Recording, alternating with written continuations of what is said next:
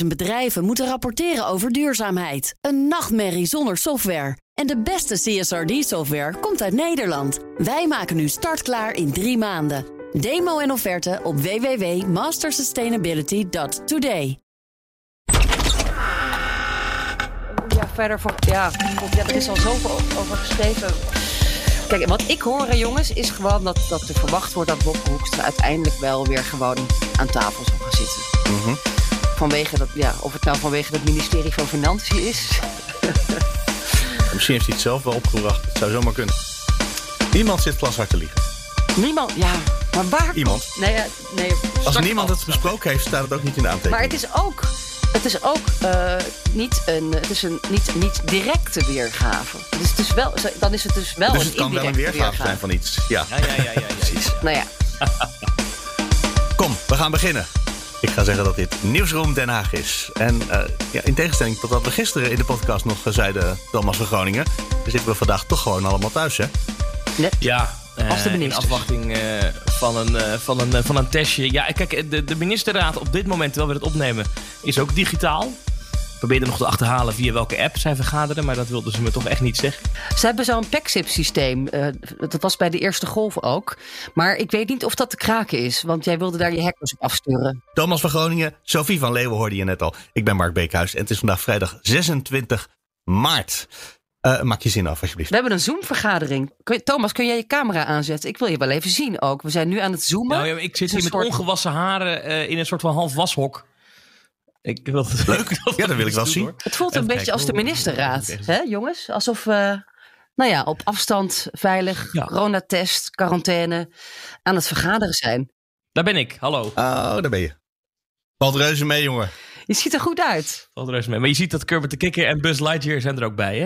En je hebt een hele mooie eh, roze rode plopkap op je microfoon zitten. Juist, juist. We moeten het natuurlijk hebben over het nieuws van deze week. Eh, gewoon het allerbelangrijkste nieuws van deze week. En straks gaan we het ook hebben over de formatie natuurlijk. Maar eerst nog even de avondklok, eh, Thomas. Oh, dat vond Nou jij het belangrijkste nieuws. Nou, dat is Nou, toch het allerbelangrijkste nieuws. Daar belangrijkste nieuws, heeft iedereen in heel Nederland elke dag mee te maken. Kijk, we hebben Ja. vorige week gezien dat eh, eh, Sigrid Kaag op alle voorpagina's stond dansend op een tafel en het nieuwe leiderschap had gewonnen.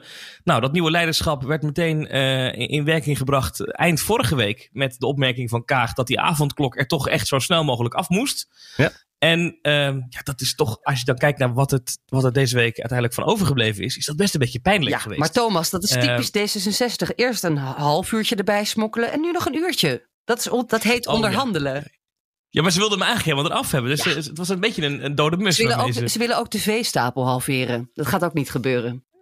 Nee, dat wordt ook een compromis uiteindelijk. De veestapel met een kwart eraf waarschijnlijk. De, de polderveestapel. Ja, maar goed, maar dus, dus, dus die avondklok. En het is best een interessante eh, eh, manier geweest waarom dit nou gegaan is. Want eh, het, was dus, het was dus Kaag die in de media zei... hij moet er helemaal af. En het was toen eh, Ahmed Abu Taleb, de burgemeester van Rotterdam... die zei, ja, maar met die ramadan, dat werkt niet als je hem om negen uur houdt... want dat is straks langer licht. En bij de ramadan eh, eindigt de vaste tijd zo eh, als de zon ondergaat. En dat is dan lastig, want dan moeten mensen met elkaar kunnen komen om samen te eten. Nou ja, hele discussie. Die twee zaken in de media, die gingen borrelen. Dat werd dan een soort van brouwsel, werd dat in de media bij elkaar gebracht. Ja, Dan had je natuurlijk eh, katshuisoverleggen. Dan had je maandagmiddag dat veiligheidsberaad. Daar was onze collega Roger was daarbij. Want wij waren in Den Haag voor de kabinetsformatie, voor de verkenning. En uiteindelijk heeft dat toch geresulteerd in dat uurtje later. Maar wat zo gek is aan dat uurtje later, is dat. Ik, ik heb echt alle antwoorden van Rutte afgelopen week teruggezocht. Maar ook alle antwoorden van Rutte van de afgelopen maanden over die avondklok. En over waarom die echt om negen uur moest beginnen. Of in eerste instantie was het zelfs acht uur. Hè, toen werd het half negen. Eh, en toen werd het negen uur. echt niet effectief. Al- overal waar hij is geweest, zegt hij, hij is alleen effectief als je hem tussen 8 en 9 doet. Dat heeft hij honderd keer gezegd. En nu kon het ineens wel om 10 uur, omdat Dus jij snapt ook nog steeds niet. Aan het eind van avond lang deb- debatteren, want het was best een lang debat, tot ver Nee. in de avondklok. Je snapt het ook niet. Nee, ik, ik snap. Nee, ik, de, de, de, Rutte heeft eigenlijk geen antwoord gegeven op die vraag. Dat betekent dat we de huidige maatregelen in principe met drie weken verlengen tot en met dinsdag 20 april. Met één kleine aanpassing. Voor de avondklok geldt dat het verstandig is de begintijd een uur op te schuiven als de zomertijd ingaat en het dus s'avonds langer licht is.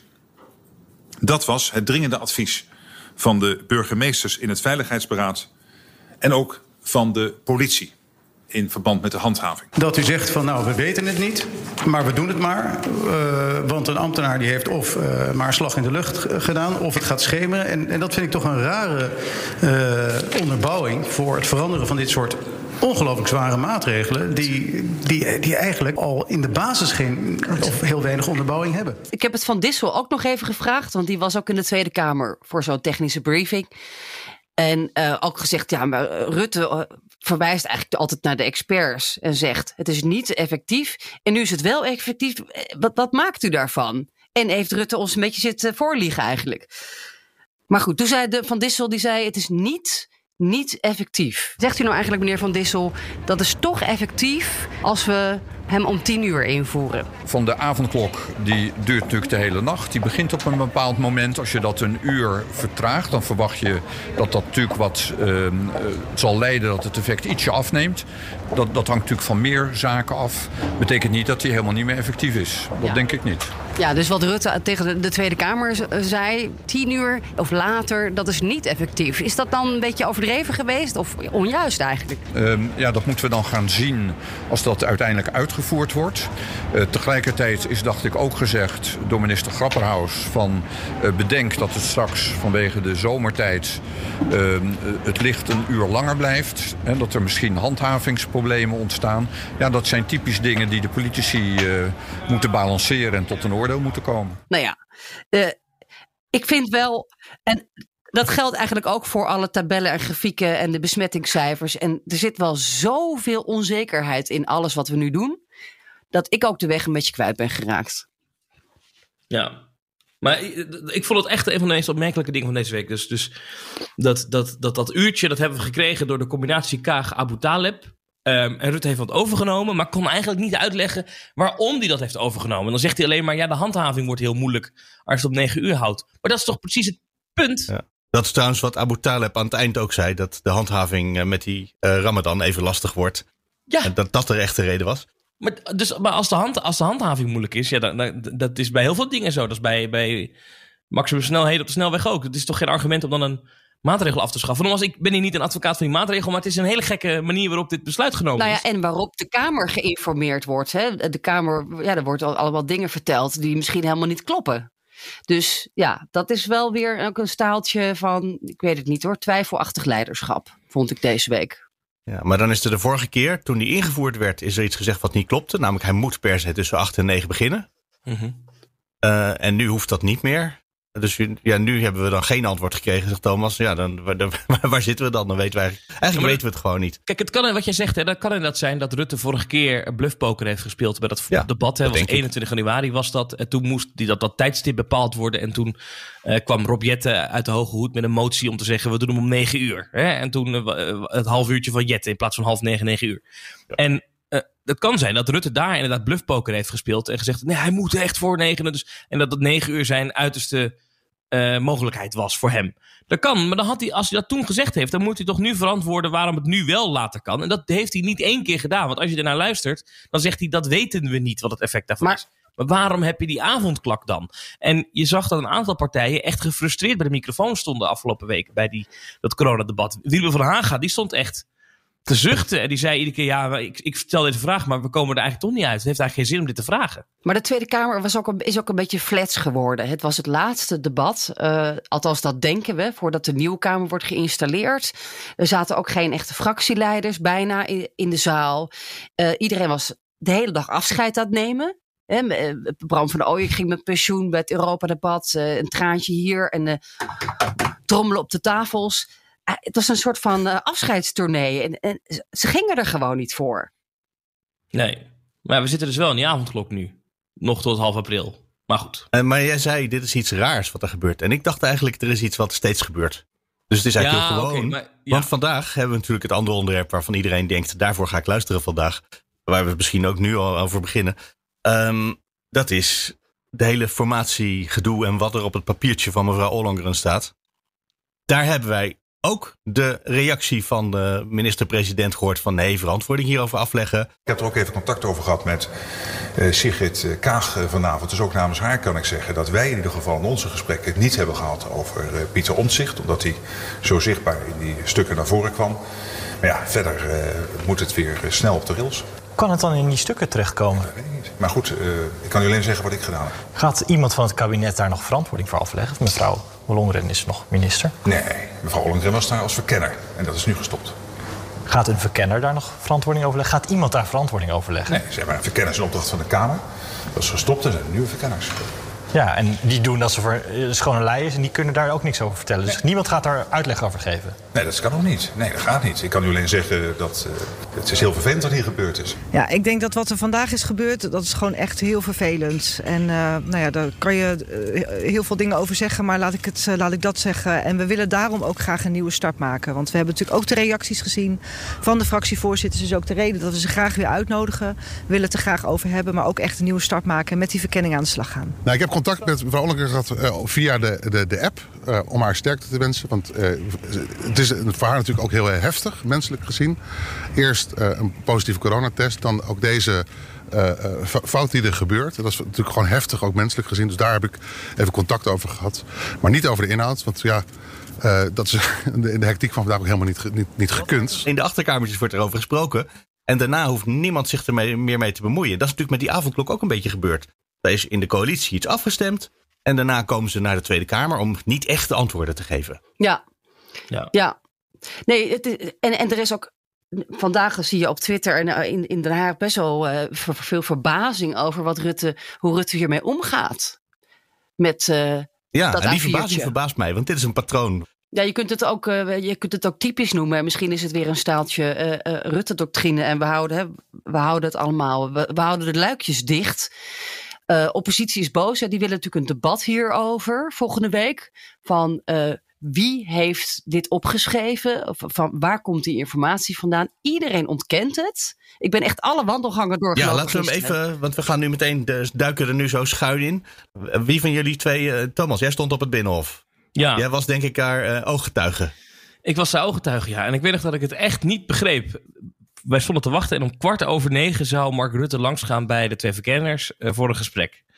En het was negen uur en ik was wat eerder, want ik zou om negen uur even op de radio vertellen uh, god, wat er zo meteen ging gebeuren. Dus ik stond daar en iets voor negen ging, dan gaat die, die, die, die, die klok in de ridderzaal, die ging af, weet je, de kerkklok. En ja. uh, toen kwam er ineens een dienstauto met echt best wel hoge snelheid, kwam dat, dat terrein opgereden. En al die fotografen in, in, in, in, in, natuurlijk meteen in actie, want die dachten, daar komt Rutte zei hij, die komt op de fiets. Maar nee, uh, en toen keek ik goed in die auto. Ik denk, die is leeg. Ik denk, nou, wat is dit nou?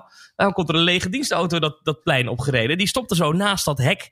Want er zijn allemaal van die hekken neergezet waar dan de pers in kan staan. Er is één opening waar die mensen, die fractievoorzitters en die verkenners dan doorheen moeten. En in plaats van dat er iemand uit de auto kwam, ging de deur open van uh, de stadhouderskamer. En kwam Ollongren daar met capuchon op, mondkapje op, met papieren onder de armen. Die kwam echt een beetje op een drafje uh, naar buiten. Uh, ik geloof dat we met z'n allen nog geroepen hebben. Mevrouw Ollongren, korte vraag, één moment alstublieft. maar nee, ze stapte meteen in, voep weg met die dienstauto. Ja. En uh, ja, Daar stond... toen wisten wij nog niet wat. Dus ik, ik was toen ook was best vrij surrealistisch. Dat ik op de radio ook meteen zei, ja, ze, ze ging hier net weg. En toen werd er nog gesuggereerd uh, door de collega's, nou, die zal wel een broodje halen zijn of zo. Of die is misschien thuis, thuis iets vergeten, hè, dat ze zo terugkomt.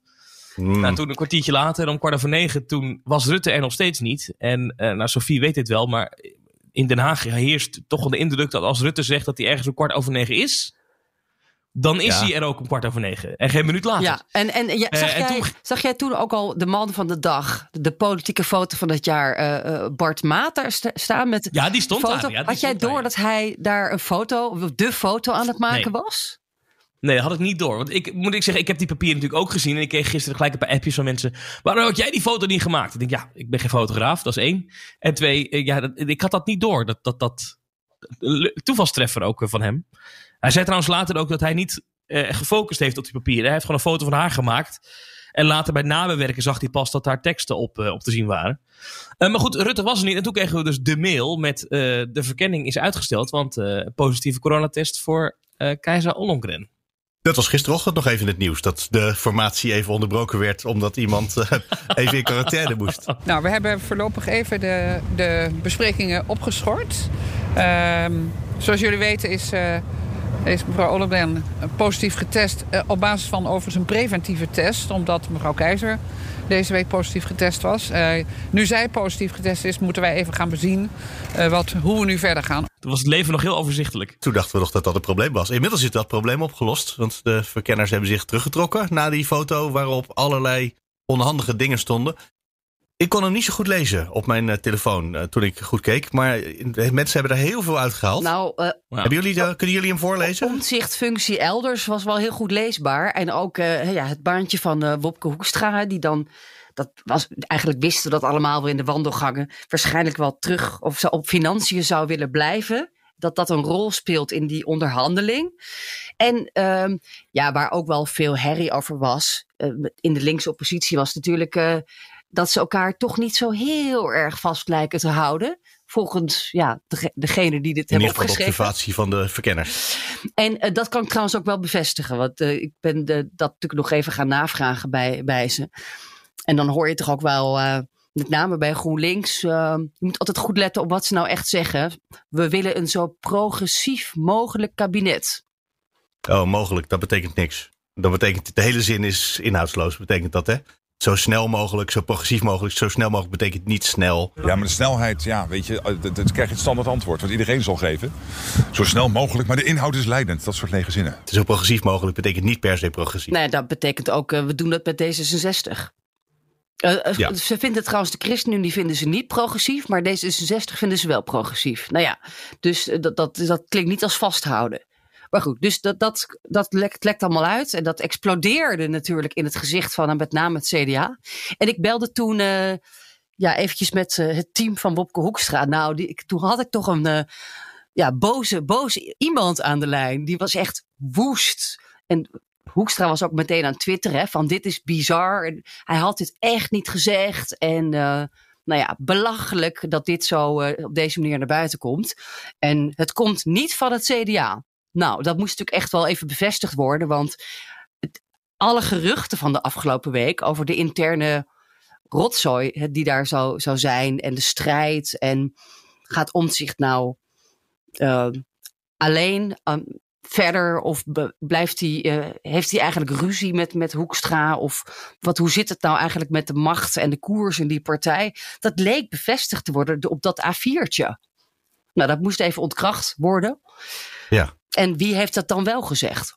En dat uh, niemand heeft het gezegd, als ik tot nu toe uh, alle, alle koppen geteld heb. En Rutte zegt erover, want Rutte heeft gisteravond later nog tegen de pers gezegd: Wij hebben het er niet over gehad, of niet over Pieter Omzicht gehad. En hij zegt ook dat hij Sigrid Kaag gisteren aan de telefoon heeft gehad. En dat Kaag aan hem heeft gevraagd om aan de media door te geven.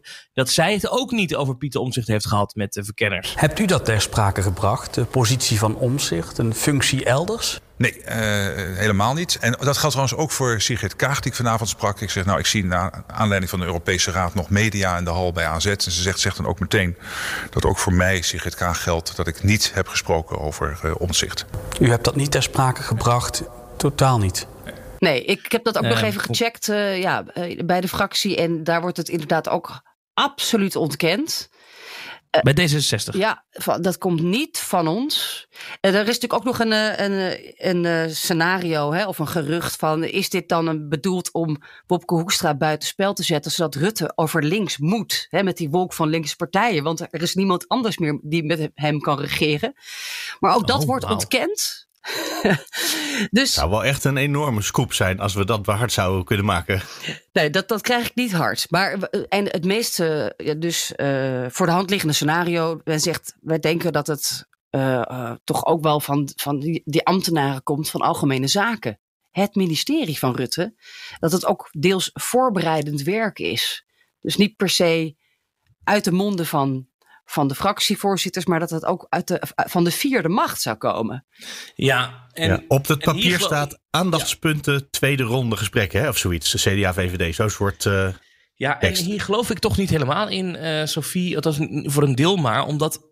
Ik, ik heb het document echt goed zitten bestuderen. En ik, sterker nog, vannacht om een uurtje of één heb ik mijn nachtlampje nog eens aangedaan. Dacht ik, wat staat er? Dan heb ik hem nog een keer bekeken. Ja. Nou, De manier waarop dit geschreven is, ik, ik, ik weet niet hoe jullie dat doen, maar als wij eh, een uitzending ingaan of ergens een gesprek ingaan of iets moeten doen, dan ga je ook wel eens met een, met een, met een, een rijtje sleutelwoorden naar binnen, toch? Met wie Mhm. moet ik het over hebben? Maar dat zijn sleutelwoorden omdat jij weet wat er bedoeld wordt met die sleutelwoorden. En Jij schrijft op eh, positie, omzicht, eh, functie elders. Dan snap jij, oh hier hebben we het over gehad, dat, dat, dat betekent dit en dit. Maar als iemand voor jou iets voorbereidt en jou een document toestuurt en daarin opschrijft positie, eh, omzicht, functie elders, snap jij dan wat ermee bedoeld wordt? Ik geloof gewoon niet dat iemand anders dit heeft voorbereid. Dit klinkt dus als iets wat je voor jezelf hebt voorbereid. Ja. Want anders, eh, als jij toch voor iemand anders iets moet opschrijven, dan, dan ga, gebruik je toch niet dit soort vage sleutelwoorden? Dan ben je toch wel iets gedetailleerder? Oké, dus nu zeg je het is een van de twee verkenners die de aantekening gemaakt heeft. Of in ieder geval, die, moeten, die zijn er mondeling en nog van op de hoogte gebracht wat het bedoelt, wat het betekent. Want anders dan, anders dan is het, is het abacadabra, slaat het nergens op. Ja, en dan kom je toch weer eigenlijk op het scenario. Dan Joritsma is natuurlijk weer, die staat heel dicht bij Rutte. Hè, dat is een VVD-mevrouw, hoog in de top. eh, zeer veel ervaring. Dat het een reflectie zou zijn van, van, toch van, van de premier. Die eigenlijk geen zin heeft in zo'n ingewikkelde en kritische eh, persoon als Pieter Omtzigt. Als bijvoorbeeld fractievoorzitter. eh, en die vervolgens zijn, zijn nieuwe kabinet onderuit gaat halen. Ja, dat snap ik wel.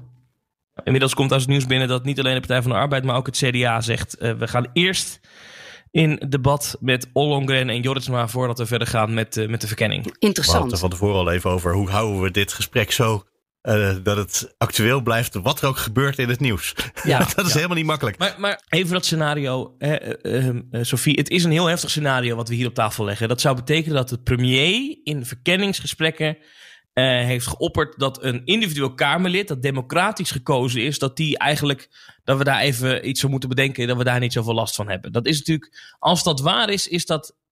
Nou, is- hij dat- ontkent Ja, dat. Dus dat, dat, grenst aan een staatsgreep. Dat, is geen staatsgreep, maar dat soort, het is, je zit wel in dat soort dingen. Zegt, de, heel Tweede ver, hè? Kamer, de Tweede Kamer moet geneutraliseerd worden.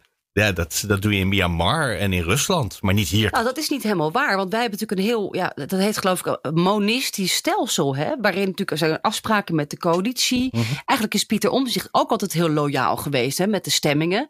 En er worden afspraken gemaakt. Er is ook een Mhm. overleg hè, met bewindspersonen van die partijen. En, en, en dan hè, de fractievoorzitters. Dat is allemaal afgestemd in Den Haag. En eh, dat past eigenlijk ook heel erg in hoe de dingen gaan achter de schermen. Dat is allemaal met instemming gebeurd van om zichzelf. Die zegt zelf dan, ik ga mee met deze stemming.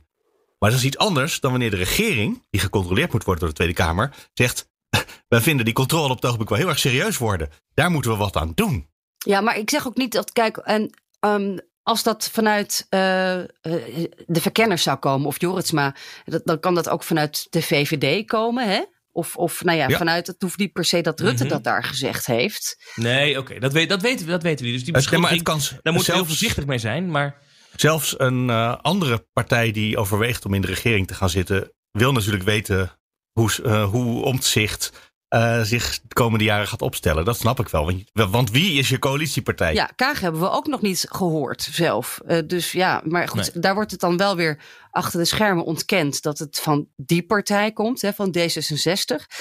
Maar uiteindelijk is het wel, eh, ook in de oppositie en de coalitie, iedereen weet dat, dat Pieter Omtzigt grillig kan zijn, hè, onberekenbaar, dat het een risicofactor is. Eh, dus dat is geen geheim. Daar zijn heel veel mensen het wel over eens. Van wat Ja. moeten we daar nou mee? Eh, dus ja, dat de vraag op tafel ligt, dat had niet gemoeten. Zeker niet in dit stadium van de formatie. Hè, dat zei Ariep ook gisteren. Dat kan echt niet. Maar het, het is logisch dat, dat, dat dat is het gesprek wat in de wandelgangen al veel langer klinkt.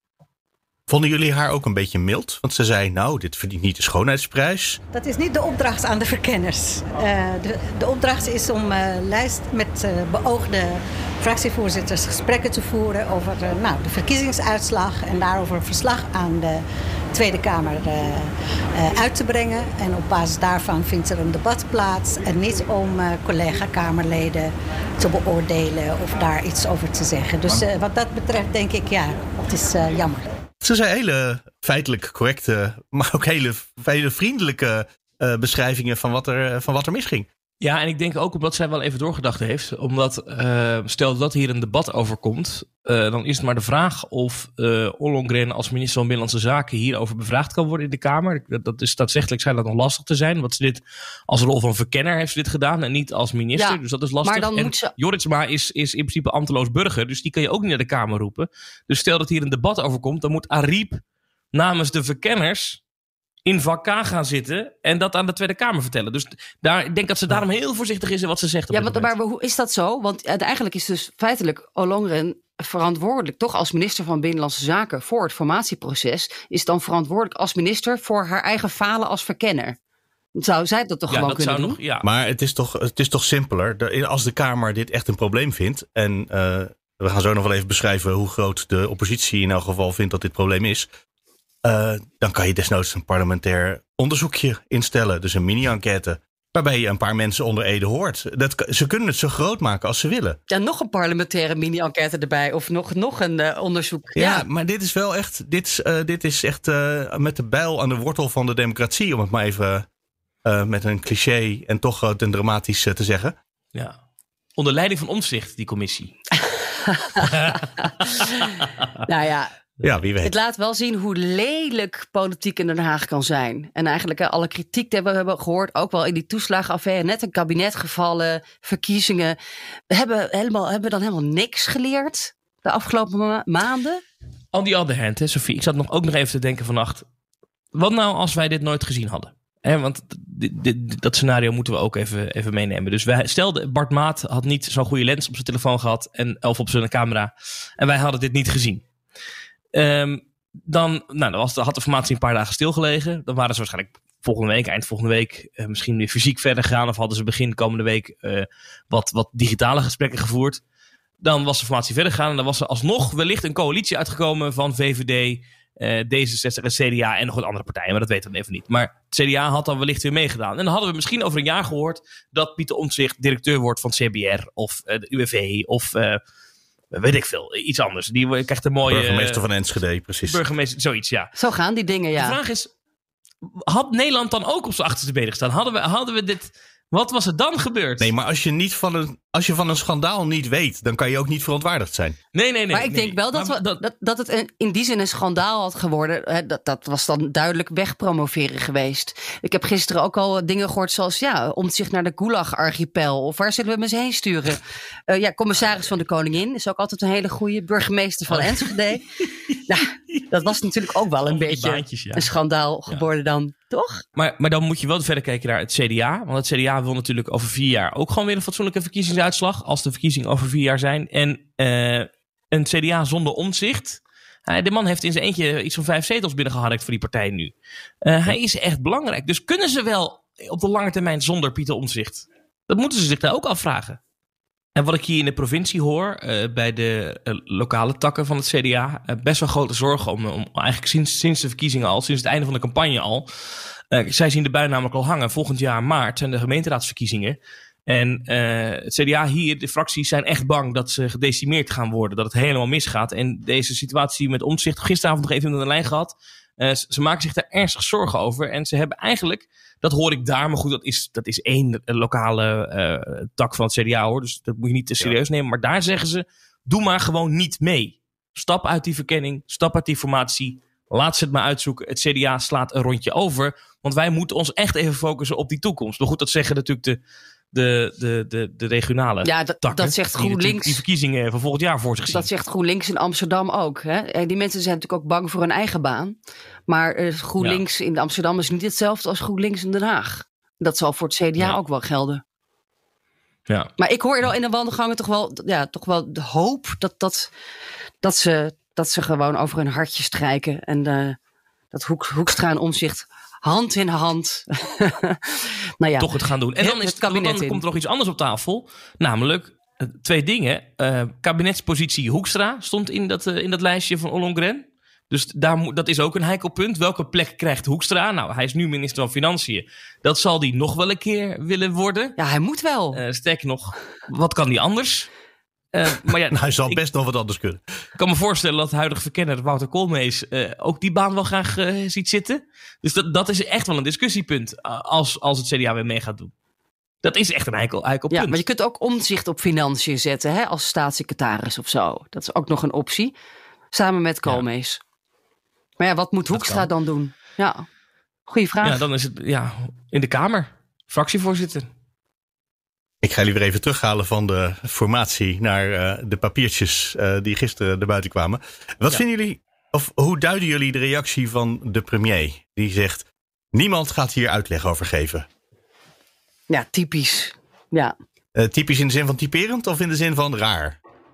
Nou ja, ik vind het een beetje. Ja, dat is misschien mijn persoonlijke mening. Maar ik vind het wel een beetje schaamteloos. Want eh, niemand gaat uitleg hierover geven. Het hele land staat op zijn kop. Nou, hè, naar wat er gisteren naar buiten kwam. En, en, en nu gaan we hier geen uitleg over geven. Bovendien is dat aan hem om dat te zeggen. Nee, het is niet aan hem, want de Tweede Kamer is de opdrachtgever aan de verkenners. En die hebben twee eh, toevallig ministers aangewezen. Of nu de eerste instantie waren het niet ministers. Een minister en een, eh, gewoon een burger. Eh, Ja, maar de Tweede Kamer is de opdrachtgever, niet de regering. Ja, of spreekt hij als VVD-leider van hè, de VVD wil niet dat we hier uitleg over geven? Nou ja, eh, misschien komt het hem he- zelf heel erg slecht uit. Hè, om hier uitleg over te geven. Maar goed, eh, ja, als, als een meerderheid van de Kamer hier een debat over wil, dan denk ik dat dat debat wel gewoon gevoerd gaat worden volgende week. Hè, Thomas, dat gaan we nog eh, iets, eh, een le- leuk dagje aan beleven, denk ik, in Den Haag. Ja, dat wordt dan wel vuurwerk, ja. Zo. En dan, ik neem aan dat ze Rutte dan ook wel oproepen naar vak K. eh, dat hij daar moet komen zitten. Nou, eh, eh, eh, ga Maar uitleg dan wordt het ingewikkeld, want je kan natuurlijk niet de VVD-lijsttrekker, onderhandelaar eh, naar vak K roepen. In de rol van minister zit hij daar altijd. Maar dat is niet de rol waarin dit speelde. Dus hij kan daar niet uitleg geven in de rol waarin hij zat. Nee. Ehm, en eh Ollongren zouden dat. Nou, Jorritsma die kan niet in vak K. Eh, Ollongren wel, maar die heeft hetzelfde probleem dat ze ook eh, ja, daar als minister altijd moet zitten. Dus Ja, maar als- Ja, nou, gaat dat, wat- wat- wat- of gaat de Tweede Kamer met zichzelf debatteren? Dat kan Nee, natuurlijk in theorie dat ook. kan, dat kan natuurlijk ook nog. Maar wat nog wel kan, is dat in principe zijn er natuurlijk ambtenaren van het ministerie van Algemene Zaken betrokken bij die verkenning. Ja. Eh, als ondersteunend personeel. En dat zijn wel mensen waar Mark Rutte dan weer verantwoordelijk voor is. Maar goed, dat, daar gaan we heel ver. verantwoordelijk, Ja. Heel nou ja, technisch, nee, maar dat, eh, het is, dit maakt een debat wel of niet mogelijk. En Ja. eh, je zei het net al heel even tussendoor dat er inmiddels een tweede partij heeft die, die heeft gezegd: wij gaan niet verder praten over de formatie voor we een kamerdebat hebben gehad. De eerste was Partij van de Arbeid, mevrouw Ploemen, zeg ik uit het hoofd. En net kwam binnen. Eh, het CDA, Het maar CDA? het ook al gezien. eh hier Lilian Marijnissen die tweet, de vragen blijven. Waarom wordt er in de verkenning gesproken over de positie van individuele Kamerleden? Dat is onacceptabel. Daarover eerst een debat. Ja, nou, Wilders gaat ook mee. Ook al. Ik denk dat die Wilders er ook meerderheid. per se in debat vindt geen uitleg eh, onacceptabel. Forum voor Democratie zie ik nu ook binnenkomen. Wil ook eerst een debat met Joritsma en Ollongren. Nou, dan komen we wel langzaam richting een meerderheid. Ja, ja. Ja.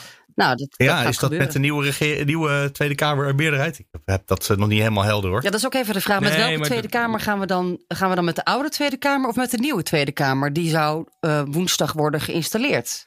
Dat is ook nog een dingetje. Want eigenlijk zouden we woensdag volgende week debatteren over het rapport van de verkenners. De- over de eerste eh, periode van de formatie. Nou, dat gaan we denk ik niet halen, dat rapportje van Koolmees en van Ark. Nee, als er eerst gedebatteerd moet worden, kan dat helemaal niet. Dus dan ben ik benieuwd of we dan met de Oude Kamer misschien op dinsdag gaan debatteren over dit lek. En dan woensdag alsnog de Nieuwkamer ehm, installeren. Ja. Die dan gaat debatteren over nou ja, een rapport dat nog niet af is. Geen idee. Ja. ja. Chaos. Ja, die, die deadline om dat rapport op de 31ste af te hebben, die is toch ook niet zo heel erg hard, zou ik denken. Want Nee, en die gaan ze ook Ehm, niet halen. dat is gewoon zei een- Joritsma zei gisteren al toen ze naar buiten liep. eh, ook al, en toen was nog in haar hoofd, we gaan het op de oude voet verder. nou, Maar dan digitaal misschien met Ollongren in quarantaine. Toen zei ze al, ik heb er een hard hoofd in dat we dat nog gaan halen om eh, volgende week dat rapport af te hebben. En ik begrijp dat vier jaar geleden, in 2017, de verkenning ook niet op tijd eh, de stukken af had. Dus dat is niet... eh, dat, is, dat schijnt vaker voor te komen. Dat het ja, en, maar het is natuurlijk ook gewoon een van de gespreksrondes in die formatieonderhandeling die misschien wel 500 dagen duurt. Eh, dus als die eerste fase twee weken langer of korter duurt, eh, dat, dat kan eigenlijk geen probleem zijn. Ja. Trouwens, wel leuk dat debat, eh, al- als dat er komt, eh, hopelijk met de Oude Kamer nog. Ben ik wel benieuwd in, de- eh, of het dan. Dan gaat het natuurlijk ook over die persoonlijke beleidsopvattingen van ambtenaren en zo. In hoeverre dit dan wel of niet weer openbaar mag worden. Of, maar het is al openbaar. En Het wordt wel een interessante discussie, denk ik, die we eerder hebben gezien. eh, Jij denkt dat dit document alsnog openbaar gemaakt wordt, maar dan met zwarte blokjes eroverheen? Ja, dan, ja, of wit gelakt, hè, doen we tegenwoordig. Witte blokjes eroverheen, zwart ja, precies. is er voorbij. vraag. Is dit niet te wobben? Ja, dat, dat gaat, daar gaan we het natuurlijk over hebben. Onderhandelingsstijl Hoekstra. Wil je dat nog even bespreken, eh, Sophie? Ja, eh, eh, eh, de onderhandelingstijl. Volgens mij zijn er wel zorgen over. Dat, omdat hij natuurlijk een beetje op de. Wat is het probleem met zijn stijl? Nou, achter, Hij is het is bikkelhard. een beetje een, een botte hork. Hè? We hebben dat natuurlijk ook in de Air France Een KLM. effectieve politicus. Ja, eh, ja, nou, of ja, dat heeft hij Ook. misschien ook in het bedrijfsleven geleerd. Eh, het is niet eh, iemand eh, die wordt gezien als heel eh, wendbaar, creatief. In tegenstelling tot iemand als Wouter Koolmees, die, die nu heel strategisch als verkenner is aangesteld. Dat is iemand die zelfs een pensioenakkoord voor elkaar kan eh, lobbyen met z'n allen. Het, is, het hoort een beetje bij de post van, eh, van, van minister van Financiën in Nederland. Want dat hebben we dat met Dijsselbloem natuurlijk ook gezien, dat hij eh, eh, daar onbekend stond. Maar dat is dan met Hoekstra weer. Ja, ja, ja. Nou ja, dus dat ministerie van Financiën zal hij wel krijgen als, als, als ik het zo beluister. Nou, maar dat is nog wel ingewikkeld. Want als hij dat krijgt, dan, dan, dan, dan betaalt het CDA een grote prijs. Ja, voor het poppetje. Dan is het, we, we, hebben, we houden Woppert, eh dat is heel gemeen te zeggen, we houden minister Hoekstra in het zadel. En, eh, en, en als minister van Financiën. Maar dan, lever je, dan, dan moet je daar andere dingen voor inleveren. Zodat het D66 meer krijgt. Nou, ik denk dat de prijs wel, eh, die ze kunnen vragen, wel is gestegen hoor. Gisteren. Dus eh, ze kunnen sowieso wel een grote prijs vragen. Voor eh Ja, kabinetsdeelname. CDA heeft eigenlijk een ideale onderhandelingspositie nu. Heerlijk. Is het eigenlijk heel gek dat het nu over mensen gaat en niet over de inhoud? Je zou denken, er wordt een regeerakkoord eh, voorbereid. Eh, ze zijn aan het praten over eh, dingen die heel moeilijk liggen tussen... Nou, stel dat we eh, de VVD en GroenLinks of VVD en PvdA samen willen brengen. Waar zitten dan de dingen die ze zo, waar we het meteen over eens zijn? En waar zitten de dingen waar het echt mis mee gaat? Maar daar gaat het niet over. Het gaat over de vraag of Hoekstra minister mag blijven... of Omtzigt in de Kamer Ja, kan dat is blijven. natuurlijk hartstikke fout, Mark.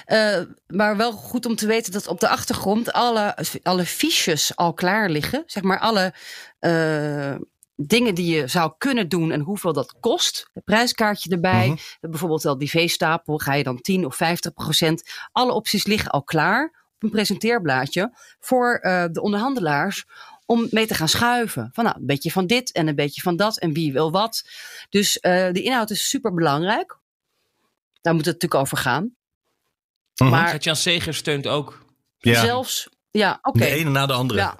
Nee, maar zelfs eh, bij de ChristenUnie zeggen ze bijvoorbeeld, eh, dat hoorde ik ook deze week eh, in, in die wandelgang, dat over die veestapel te praten valt. Die gaat natuurlijk naar binnen en je weet al wel ongeveer. Ik bedoel, wij, kunnen, ook- wij hebben vorige week ook eh, uit ons hoofd geanalyseerd. Nou, als je deze partij naast deze partij legt, dan wordt dit en dit moeilijk. Tuurlijk gebeurt dat tijdens die verkenning ook. Dat gaat echt niet alleen maar om.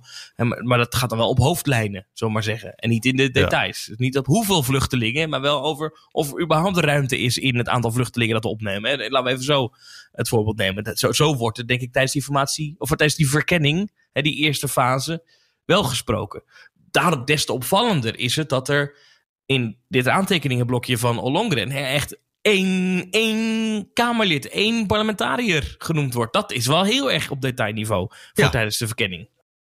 Weet je trouwens even, eh, Sophie, even kijk je in de keuken. Maar dat momentje van Rutte gisteravond, hij deed dat in de hal bij het ministerie van Algemene Zaken. Stond die NOS en RTL te woord. En daar zei hij dat van niemand gaat hier uitleg over geven. Wat was dat voor momentje? Wij waren daar niet voor uitgenodigd. Nee, hij, was, eh, hij zat het in een digitale EU-top, hè, tot heel laat.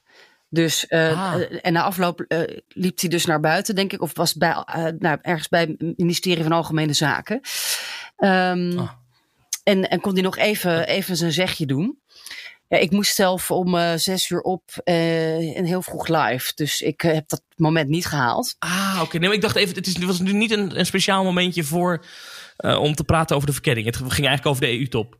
Nou ja, goed, het, het is gewoon, mensen lopen in en uit, hè? Dus eh, zo, zoals, zoals Ja, dat ja, werkt. Dat is ook ons probleem nu. Van, oh, als iedereen nu digitaal gaat vergaderen. De formatie niet, hè, gelukkig. Met de Koolmees en Van Ark, of wat, de verkenning. Maar wat, wat, waar halen wij ons geluid? Nou, dat vind ik nog wel erg opmerkelijk eigenlijk, eerlijk gezegd. Ja, opmerkelijk is het wel. Ja, wat er on- onder andere opmerkelijk aan is, is dat eh, de premier Mark Rutte eigenlijk altijd eh, de locatie waar die is, dat is het onderwerp waarover die praat. Dus als hij nu uit een EU-top komt. of nu uit een overleg met NAVO-partners. en je stelt hem een vraag over het andere onderwerp. dan weigert hij vaak. Dan zegt hij: nee, maar ik ben hier nu om te praten over de EU-top. Ja, En dat hij dan nu toch iets zegt over die formatie en die verkenningsfase daarvan. Dat op zich is al eh, opmerkelijk. Nou ja, Dat, dat gaat al Hij vaker zo hoor. Hij, ik zeg, ja, natuurlijk, hij moest wel. Het zegt iets over hoe eh, ernstig de situatie is en dat hij dat zelf ook helemaal Oh. precies snapt. Jongen, Maar nog even, want als ik toch even nog voor- voordat, voordat we afronden, dat, dat fysiek vergaderen. Ehm, ik heb dat eh, gisteren op Twitter gezet dat Koolmees en Van Ark, de nieuwe verkenners, dat die fysiek weer 17 eh, eh, eh, partijleiders, fractievoorzitters gaan ontvangen. Ehm, daar wordt echt met heel veel woede op gereageerd. Vooral op de quote van Wouter Koolmees die zegt... ja, je moet mensen in de ogen kunnen kijken bij dit soort gesprekken. Ehm, daar reageren heel wat mensen op in het onderwijs die zeggen... ja, maar ik wil ook mijn leerlingen in de ogen kunnen kijken en dat kan niet. En eh, de politiek leert maar niet hiervan. En er zijn besmettingen daar op het Binnenhof. Waarom in godsnaam gaan die gesprekken fysiek door? Er zijn echt, ik heb nog nooit een tweet gehad die zo vaak... zoveel reacties heeft gekregen. Ja, en ga even het goede wat mij dan voorbeeld helemaal geven. verbaast is dat terwijl we dit net opnemen, dat blijkt dat de ministerraad toch niet helemaal digitaal is. Want het blijkt dat Rutte toch met een aantal andere ministers fysiek aanwezig is op het ministerie van Algemene Zaken voor een vooroverleg. Ja, dat is de MCC. Hè? Dat is het, het corona-overleg. en ik zie ook dat eh Koolmees en Van Ark ook fysiek aanwezig zijn op het Binnenhof voor de planning voor de verkennende gesprekken. Dus het is gewoon weer, ja, eigenlijk, we hebben, daar, ook daar leren we dus niks van.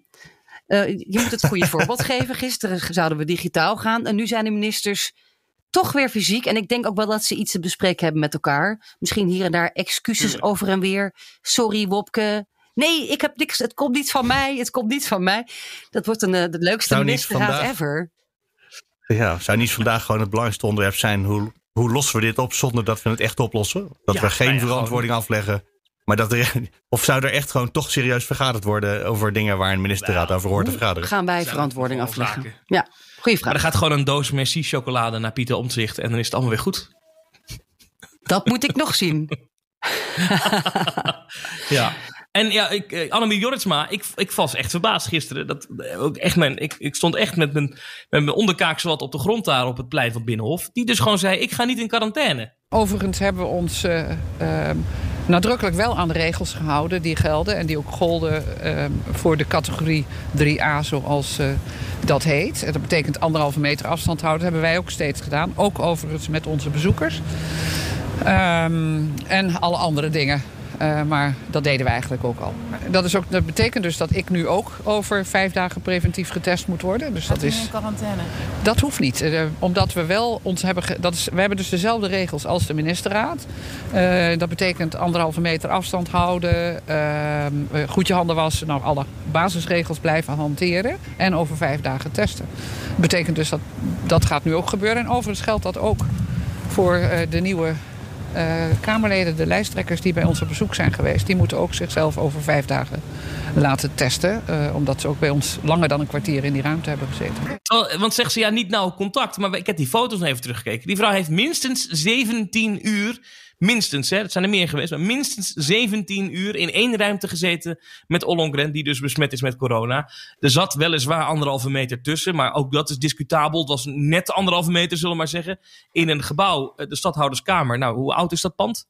Dat is een paar honderd jaar oud. Eh, de, de ventilatie is daar, zullen we maar zeggen, niet top-notch. En die mevrouw zegt gewoon: nee, ik ga pas over dag vijf en ga ik mij laten testen en ik ga niet in quarantaine. En toen vroeg ik haar, ja, moet u niet het goede voorbeeld geven? Toen zei ze, dit is het goede voorbeeld, want dit is de regel. Ja, maar en dat in een week hè, dat we de lockdown hebben verlengd naar eind april.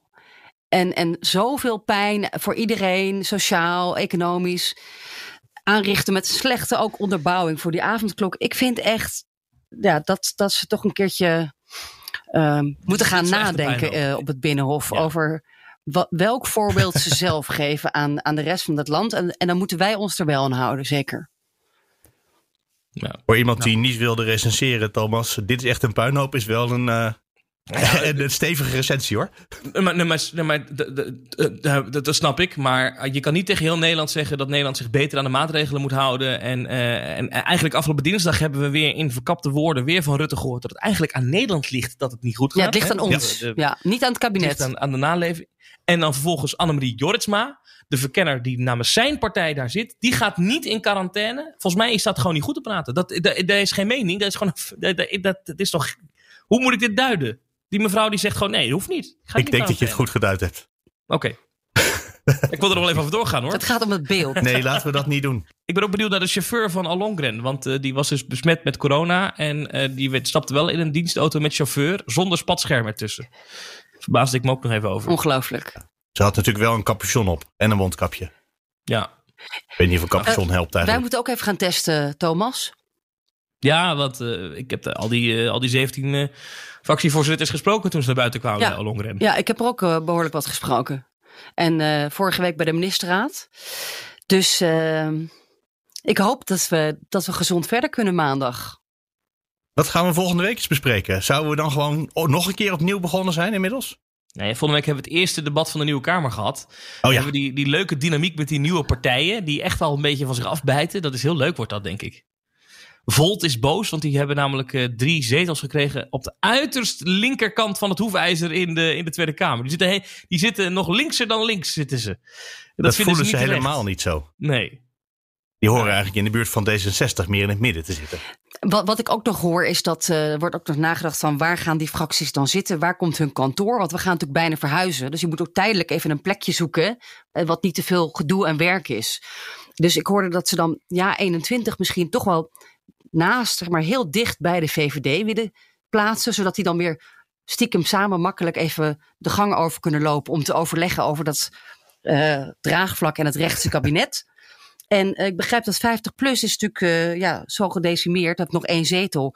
Die moeten voor straf naar de kamer waar Henk Krol zat, nadat hij 50 plus had verlaten. Dus er wordt nog een beetje gekeken. Sylvana van B1 die komt bij Koloniën, trouwens. Die mag bij de linkse de dat is een van de gebouwen. Ja, dat is waar alle Maar linkse wel mooi fracties zitten. om, Ja. om bijeen dan in kolonie notabene te zetten. Ja. Of is dat expres? Ja, dat is, dat is wel mooi, hè? Ja, ja. Het, ja. En dan inderdaad moeten we dan eh, ja, vechten voor eh, de excuses voor het slavernijverleden vanuit Colonia. Ja, ChristenUnie zit er trouwens ook. Ook een beetje de linkse partij natuurlijk. De Partij voor de Dieren, nou ja, daar zullen ze ergens eh, komen. En dan is het natuurlijk ook, de, want GroenLinks eh, verliest natuurlijk heel veel zetels. Dus daar komt dan een plekje vrij. Zo wordt er gekeken. Eh Volt Ja, ja. weet ik nog niet waar ze die neerzetten. Ja, dan toch maar bij de SP. Daar komt ook plek vrij. In de Kamer, hè, fysiek. Dus niet in de plenaire zaal, ja. maar bij het kantoor. Zullen wij hem afronden voor vandaag? En dan volgende week merken we vanzelf eh, hoe het eerste debat met al die nieuwe fractieleiders is. Ja, ik ben heel benieuwd. Ehm, en nu dan eh, ja, afwachten of dat debat er snel komt. Of dat snel aangekondigd wordt. Nou, dat zal wel haast. Maar dat gaan we dan op dinsdag waarschijnlijk horen. Thomas van Groningen, Sophie van Leeuwen. Tot volgende week. Tot volgende week. En als je wil reageren, mail naar nieuwsroom.bnr.nl of nieuwsroom.fd.nl. De show notes vind je op bnr.nl slash nieuwsroom. En dan zijn we de volgende week weer. Tot dan.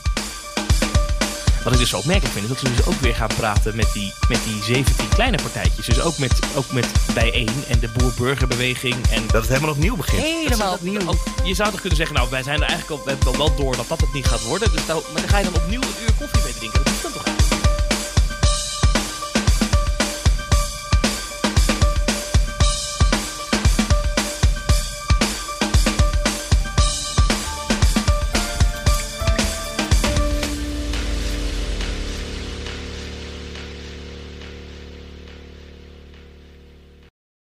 eigenlijk? Vijftigduizend bedrijven moeten rapporteren over duurzaamheid. Een nachtmerrie zonder software. En de beste CSRD-software komt uit Nederland. Wij maken nu startklaar in drie maanden. Demo en offerte op www.mastersustainability.today.